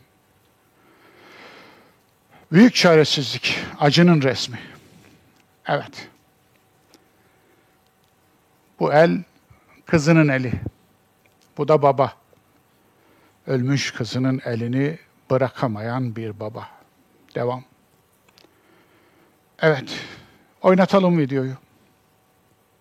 Çaresizlik nedir? Yönlendiriyorlar dediler. Ee, ben gece birde buldum kardeşimi. Sabah onda kaybettim. Afat bir türlü şey göndermedi. Gönderemiyor bilmiyoruz. Ama burada bir sürü insan canlıydı. Şurada üç çocuk vardı. Kalktım onlara su verdim geldim. Demirlerin arasındaydım. Kız kardeşim en sonunda hipotermiye girdi. Yüzü soğuktu böyle. Ben yanağımı yaklaştırdım. Dedim ki ısın, ellerini ısıttım. İyiyim abi dedi. Sonra bir kolun tam ayağının burasında kolun var. Tam şey olmuş. Çıkar, kaldıramıyoruz biraz. Ya alttan kazacağız. Makine de yok. Ellerimizle açtık.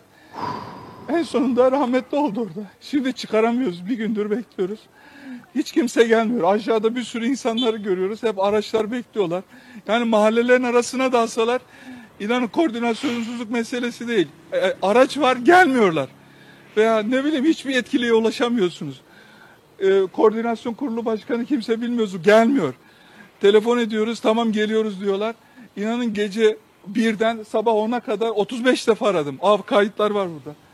Geliyoruz diyorlar gelmiyor. Kız hipotermiye girdi. Kız kardeşim ya. Yalova'dan geldim. Karlı yoldan geldim. Buldum onu. Sadece şu dört parmağı gözüküyordu. Şu kadar. O kadar şeyi ellerimle kazdım.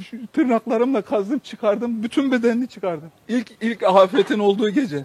Beş parmak yağmur yağıyordu burada. Burada bir sürü insan şuradan çıkardılar ama.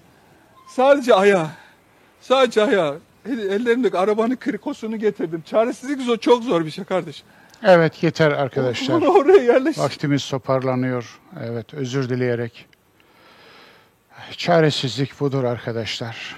Evet Allah sabır versin hepimize, hepsine özellikle kurbanların yakınlarına sabır versin. İnanın ölenden daha fazla kalanlara yük biniyor. Yani ölen ölüp gidiyor ama kalanlar o kadar ağır acılar taşımaya mahkum oluyor, mecbur oluyor ki. Geçelim arkadaşlar. Evet, alın size tarih, çaresizlik. Ne olur yalvarırım, Kahramanmaraş, Pazarcık, Dodepaşa köyüne gitmeye çalışın. Lütfen babam, babaannem, dedem, akrabalarımız orada. Lütfen destek götürün diye yalvarmış. Binlerce böyle şey var. Sadece örnek olarak aldım. Geçelim arkadaşlar. Evet. İnsanlık hali. Deprem ve çocuk. Bu çocuk beni yaktı ya. Efendim. Yani insan ne söyleyeceğini bilemiyor. Evet. Bilmiyorum ben de öksüz olduğum için midir nedir? Evet.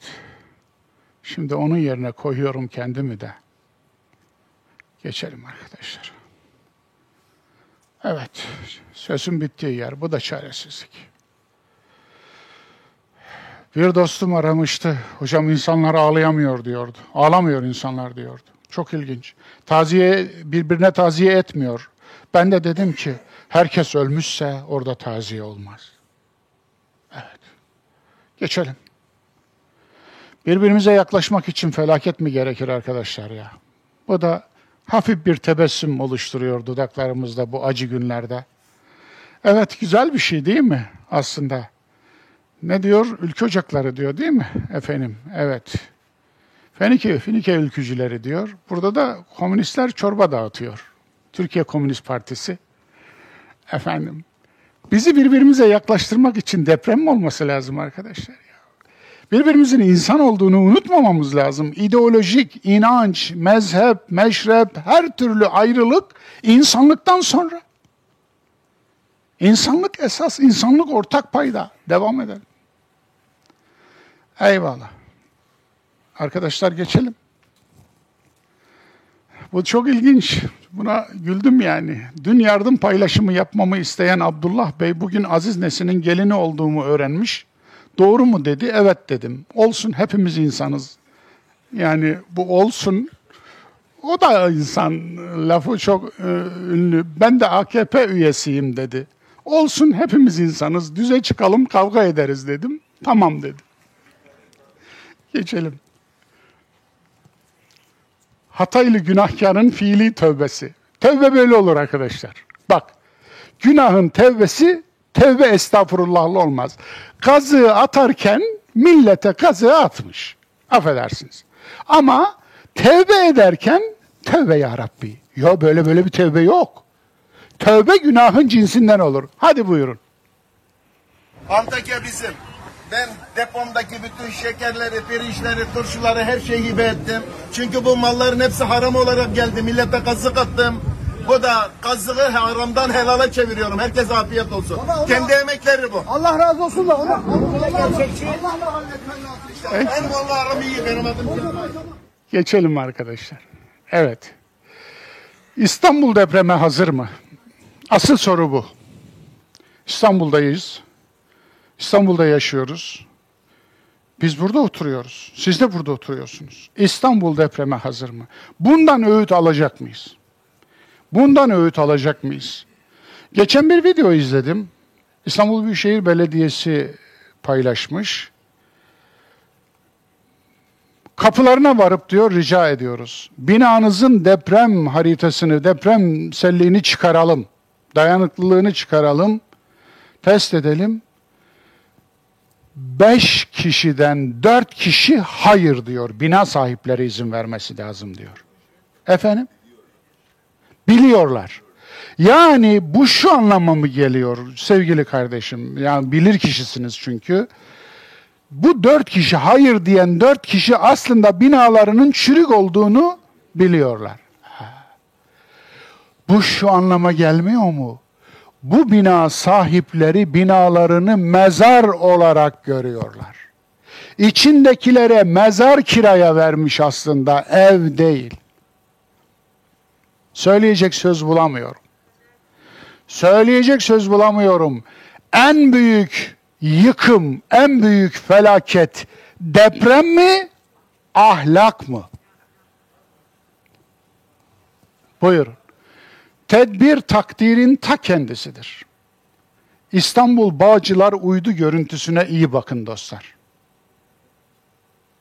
Şu görüntüye iyi bakın. Allah aşkına. Buraya bir ambulans girer mi? Bir araba girer mi? Bir araba çıkar mı? Şuraya iyi bakın. Geçelim. Deprem ve hak hukuk. 3800 yıl önce Hammurabi kanunları çürük yapı yapanı cezalandırmış. Madde 229 Hammurabi kanunları. Milattan önce 1700'ler dostlar. Eğer bir inşaat ustası bir adama ev yapar ve yapılan ev sağlam olmadığı için sahibinin üzerine çöker ve öldürürse ustanın başı uçurulur. Aman kimsenin başını uçurun falan diyen yok. Aman ha. Evet. Geçelim. Evet, melek şehit romantizmi ve yapanın yanına kar kalan suç. Bir deprem ülkesinde yaşayan ve deprem tehlikesi yüksek illerden Kahramanmaraş'ta yaşayan biri olarak bir gün burası da Elazığ'ın, İzmir'in kaderini yaşarsa benim için, ailem için veya herhangi biri için melek oldu diye iyileştirmeler yapmayın, hakkımızı arayın. Şeyma. Bir sene evvel yazmış. Şeyma bu tweet'i 2020 2020 yılında yazmış. 2020 İzmir depreminde attı. Bu depremde hayatını kaybetti. Hadi buyur. Ne diyorsunuz? Şeyma'nın dediği olur mu? Geçelim.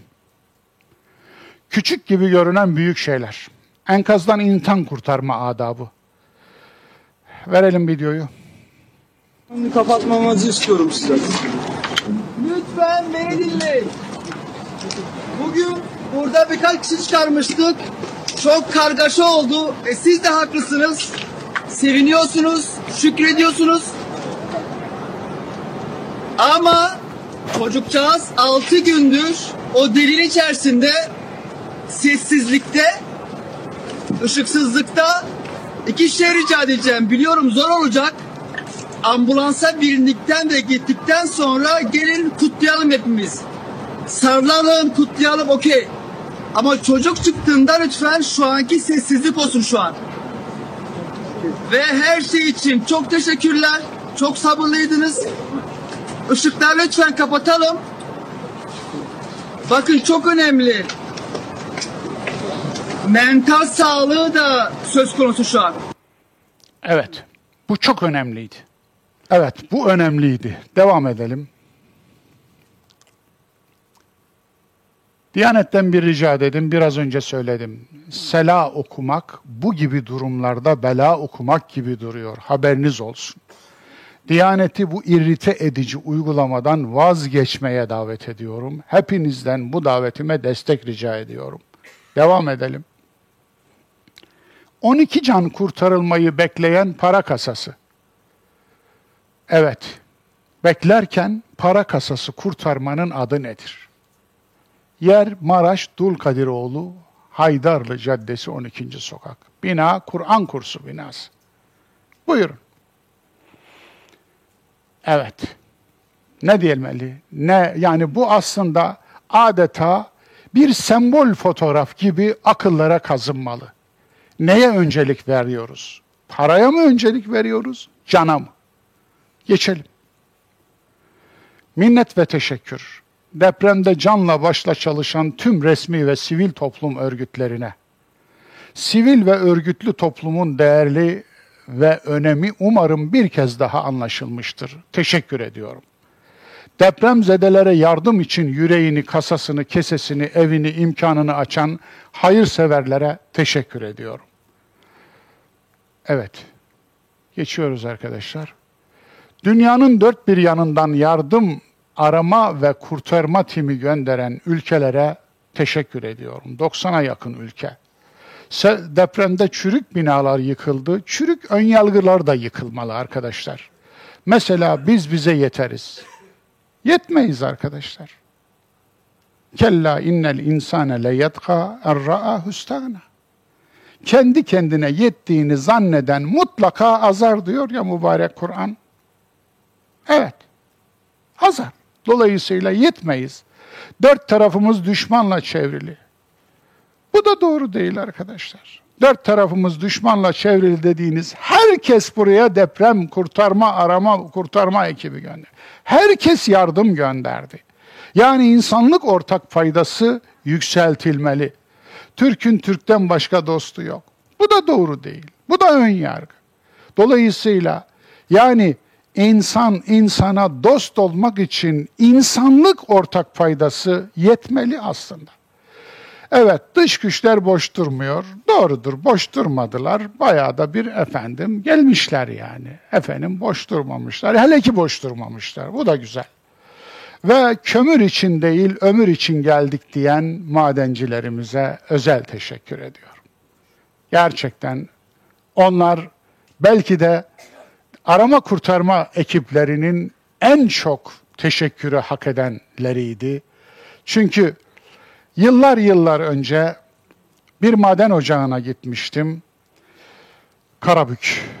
Orada arkadaşlara ricada bulundum. Çalıştığınız ortamı ve kazandığınız bu parayı nasıl kazandığınızı bizzat görmek istiyorum diye ricamı e, kırmadılar. Üstüme bir madenci elbisesi giydirdiler. Başıma bir lamba taktılar. E, bareti koydular.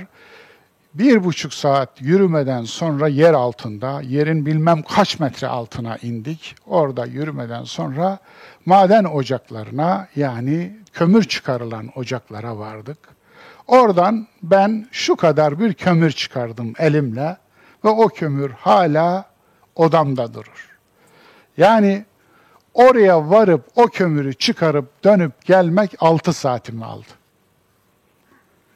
Orada gördüm nasıl bir zorluk altında çalıştıklarını. Onun için onlara özellikle teşekkür ediyorum. Tabii burada yardım elimizin Hatay'da, Malatya'da, Elazığ'da, Maraş'ta ki şu anda çadır kentleri, çadır yerleşkeleri kuruluyor orada. E, Hatay'da e, mobil aş e, arabası e, orada mobil yemek dağıtıyordu. Efendim, diğer arkadaşlar bulundukları yerde yardım ediyorlardı. Diğer e, işte Kur'an okullarımız olsun, Kur'an halkalarımız olsun hepsi deprem bölgelerinde ellerinden geleni yaptılar. Bu kardeşlerimize de başta Sadık Bey olmak üzere hepsine teşekkürlerimi, dualarımı iletiyorum. Geçelim. Deprem fırsatçıları ve istismarcıları. Yağma ve haramilik. Söyleyecek bir şey bulamıyorum. Yani ahlak depremi mi daha büyük, 9 şiddetinde bir deprem mi? Bence ahlak depremi. Yargısız infazcılık ve durumdan vazife çıkarmak. Bu da korkunç bir şey. Merhametin istismarı.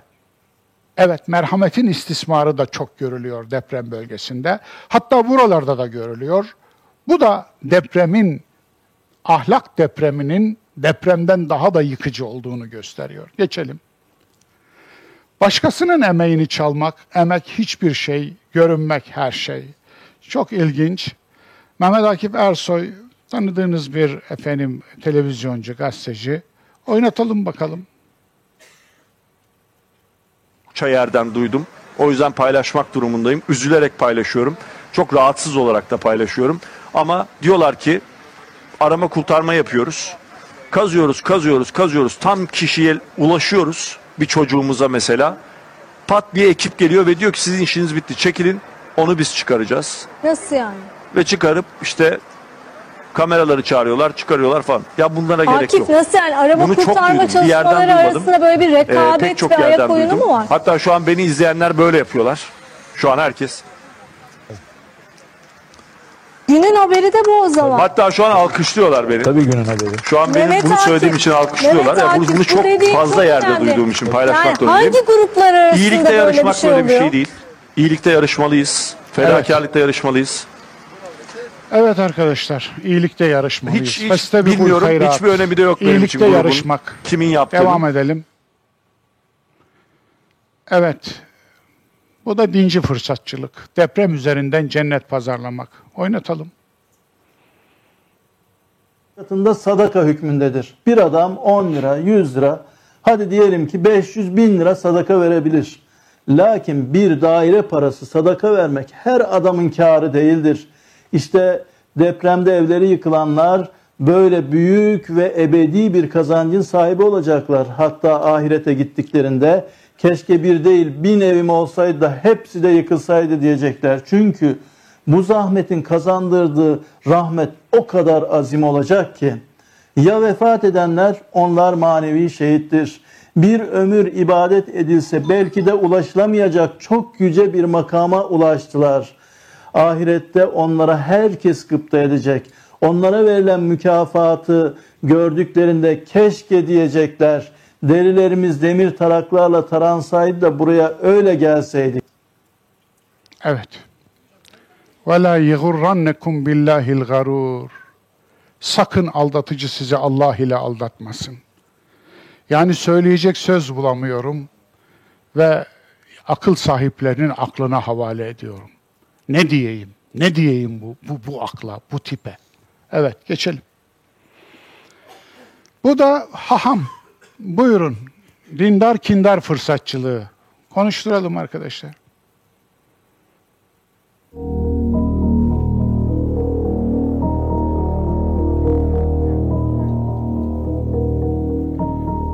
Arkadaşlar e, ne ses var ne de çeviri var.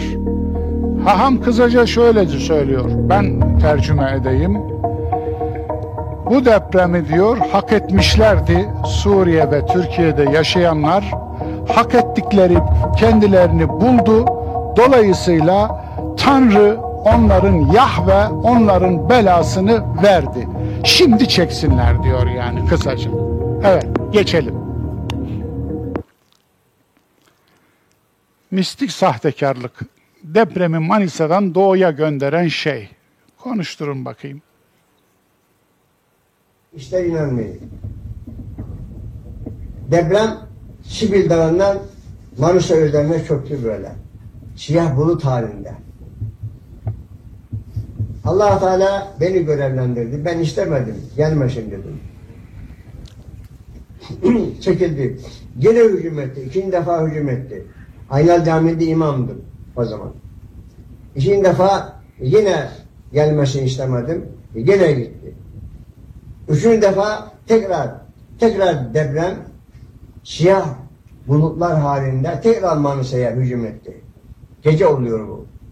Gene Rabbim Teala'dan gitmesini istedim. Manisalıların üzerine evlerinin yıkılmamasını istedim.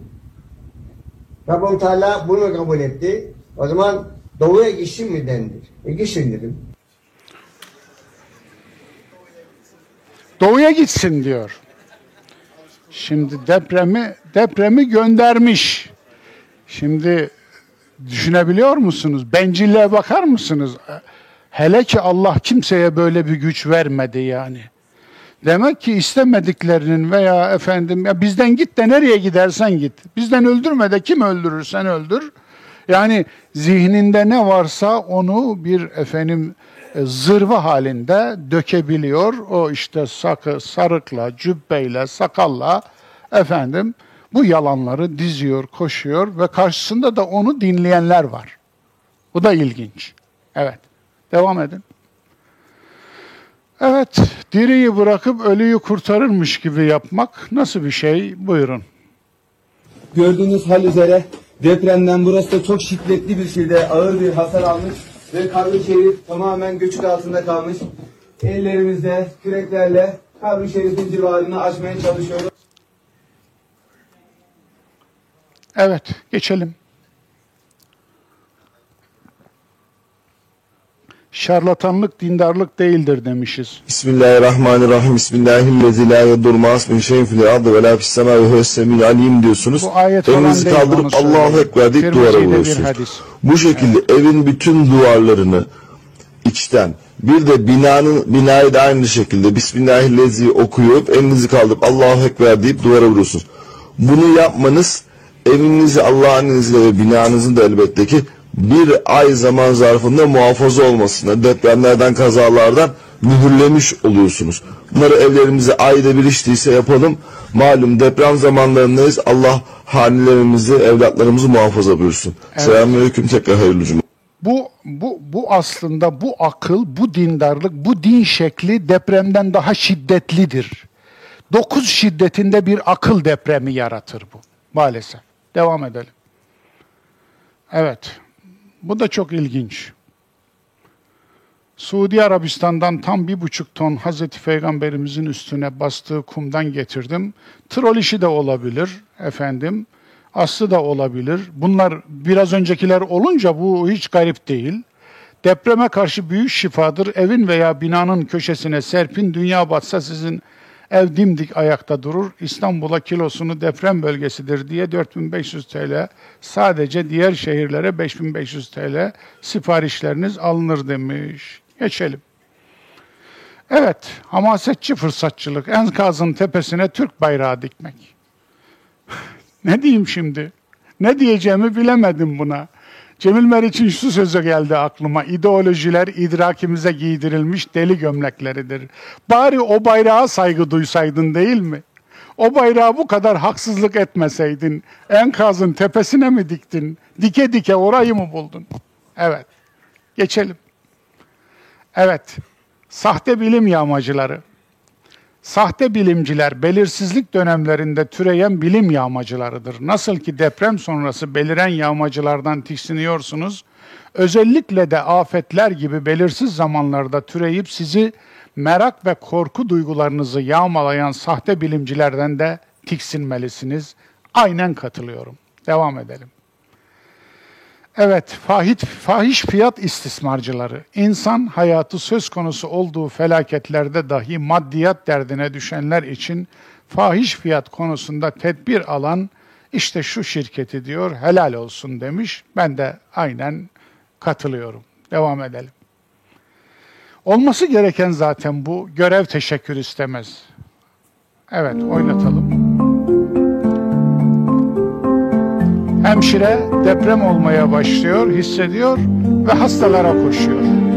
Gerçekten de olması gereken bu. Kişiler görevlerini yaptığı için teşekkür beklememeli. Çünkü o görev onundur. Görevini yapıyor. Evet, yine de biz teşekkür ediyoruz. Devam edelim.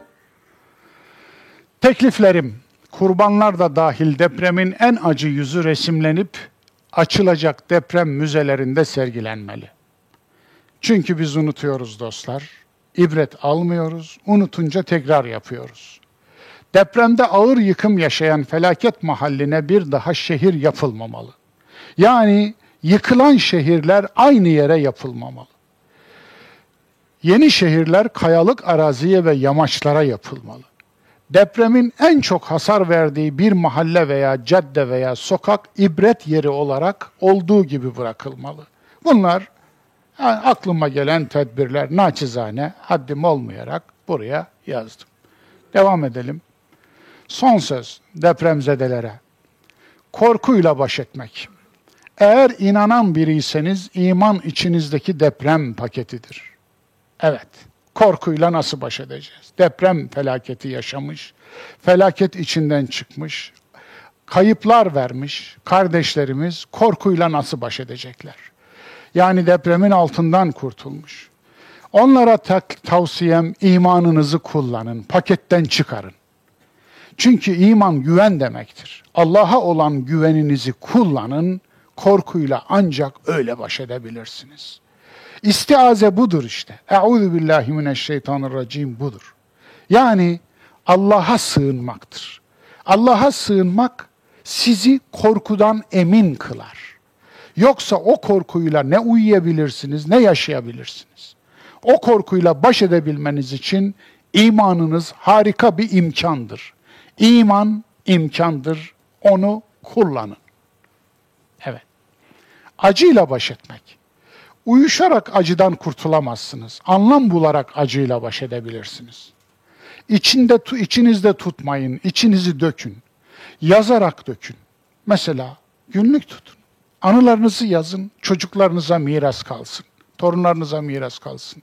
Yazarak elinizden, konuşarak ağzınızdan, ağlayarak, seyrederek, okuyarak gözünüzden dökün, bir tepki verin.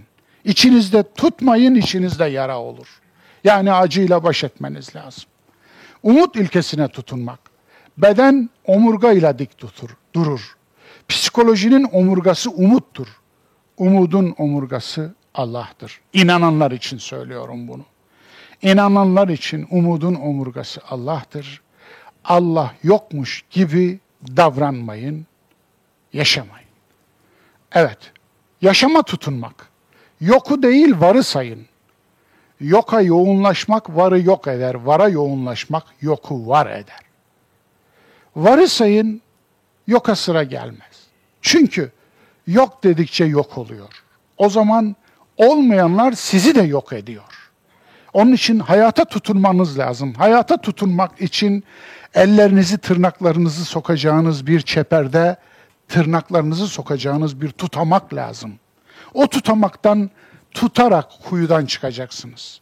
Düştüğünüz kuyudan çıkacaksınız. Başka çareniz yok. Onun için mutlaka ve mutlaka varı sayın dostlar. Ölenle ölünmüyor. Hakikaten eğer kaybınız varsa çok acıdır. Sizin yerinize kimse geçemez. Sizin gibi hiçbirimiz anlayamayız. Ama şunu biliyoruz ki ilk defa bu acıyı siz yaşamadınız. Son yaşayan da siz olmayacaksınız. Gerçeğe tutunmak. Kendinizi aldatarak mutlu olamazsınız. Gerçekle acı da olsa yüzleşin. Tatlı yalanlarla avunmayın. Gerçek insanı özgür kılar. Yalan insanı tutsak eder. Onun için kendinizi yalanlarla avutmayın. Gerçeğe tutunun, gerçek özgür kılar. Anlama tutunmak. İnanan biriyseniz Tanrı'nın size ilişkin bir projesi olduğunu düşünün. Evet, bir projesi vardır deyin Allah'ım benimle ilgili. Onun için neydi, nedir acaba diye merak edin. Yaşama böyle tutunun. O projeyi merak edin, o projenin uğrunda çaba gösterin. Evet, sözün özü, ahlak depremi bu depremden daha yıkıcıdır. Akıl depremi bu depremden daha yıkıcıdır. Vicdan depremi bu depremden daha yıkıcıdır. Liyakat ve ehliyet depremi bu depremden daha yıkıcıdır. Hangi deprem daha büyüktür? Size bırakıyorum takdirini. Siz karar verin. Geçelim. Afet yeniden diriliş fırsatı olabilir. Kara veba ile başlayan yeniden diriliş, Rönesans Avrupa'da bir veba ile başlamıştı. Avrupa nüfusunun yarısını ya da yüzde otuzunu götürdüğü söylenir kara vebanın. 1347'de başladı, 6-7 yıl sürdü. Ve Avrupa nüfusu yarısı gitti. Avrupa'nın tüm her şeyi değişti. Sosyolojisi değişti, psikolojisi değişti ve teolojisi değişti. Dolayısıyla o Rönesans'ını, Rönesans nedir? Yeniden diriliş. Yani basül badel mevt. Dolayısıyla o öyle başlattı. Biz kendi Rönesansımızı kendi dinamiklerimizden yola çıkarak, kendi değerlerimizden yola çıkarak Avrupa'nın yaptığı Rönesans'ı Avrupa gibi değil. Onların da hatalarını görerek ki onlar kendi hatalarını gördüler. Mesela insan her şeyin ölçüsü diyerek hümanizma ile başlamışlardı. Avrupa hümanizmi bu oldu. Ama bizim başlatacağımız hümanizmin şiarı bu olmamalıydı. İnsan her şeyin ölçüsü değil.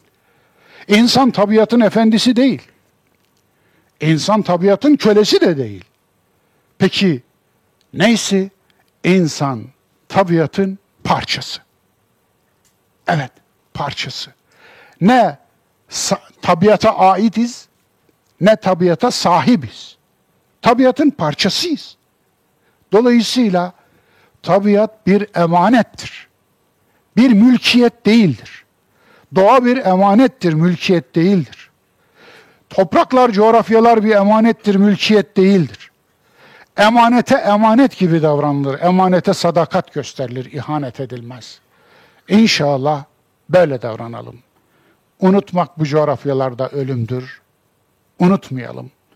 İstanbul depremi topun ağzında. Allah korusun demek Allah korusundan ibaret değildir. Allah korusun diye dua etmek Allah'ın yasalarına uygun davranmaktır. O zaman Allah korusun demenin hakkını vermiş oluruz. Hepinize hayırlı gelecek diliyorum tüm depremzedelere geçmiş olsun diyor, başsağlığı diliyorum. Depremde hayatını kaybeden kardeşlerimize, küçük, büyük, her kimse, her hangi millettense, kime mensupsa, neyse hepsine Allah rahmet etsin. Geride kalanlarına sabrı cemil diliyorum. Allah'a emanet olun. Hoşçakalın.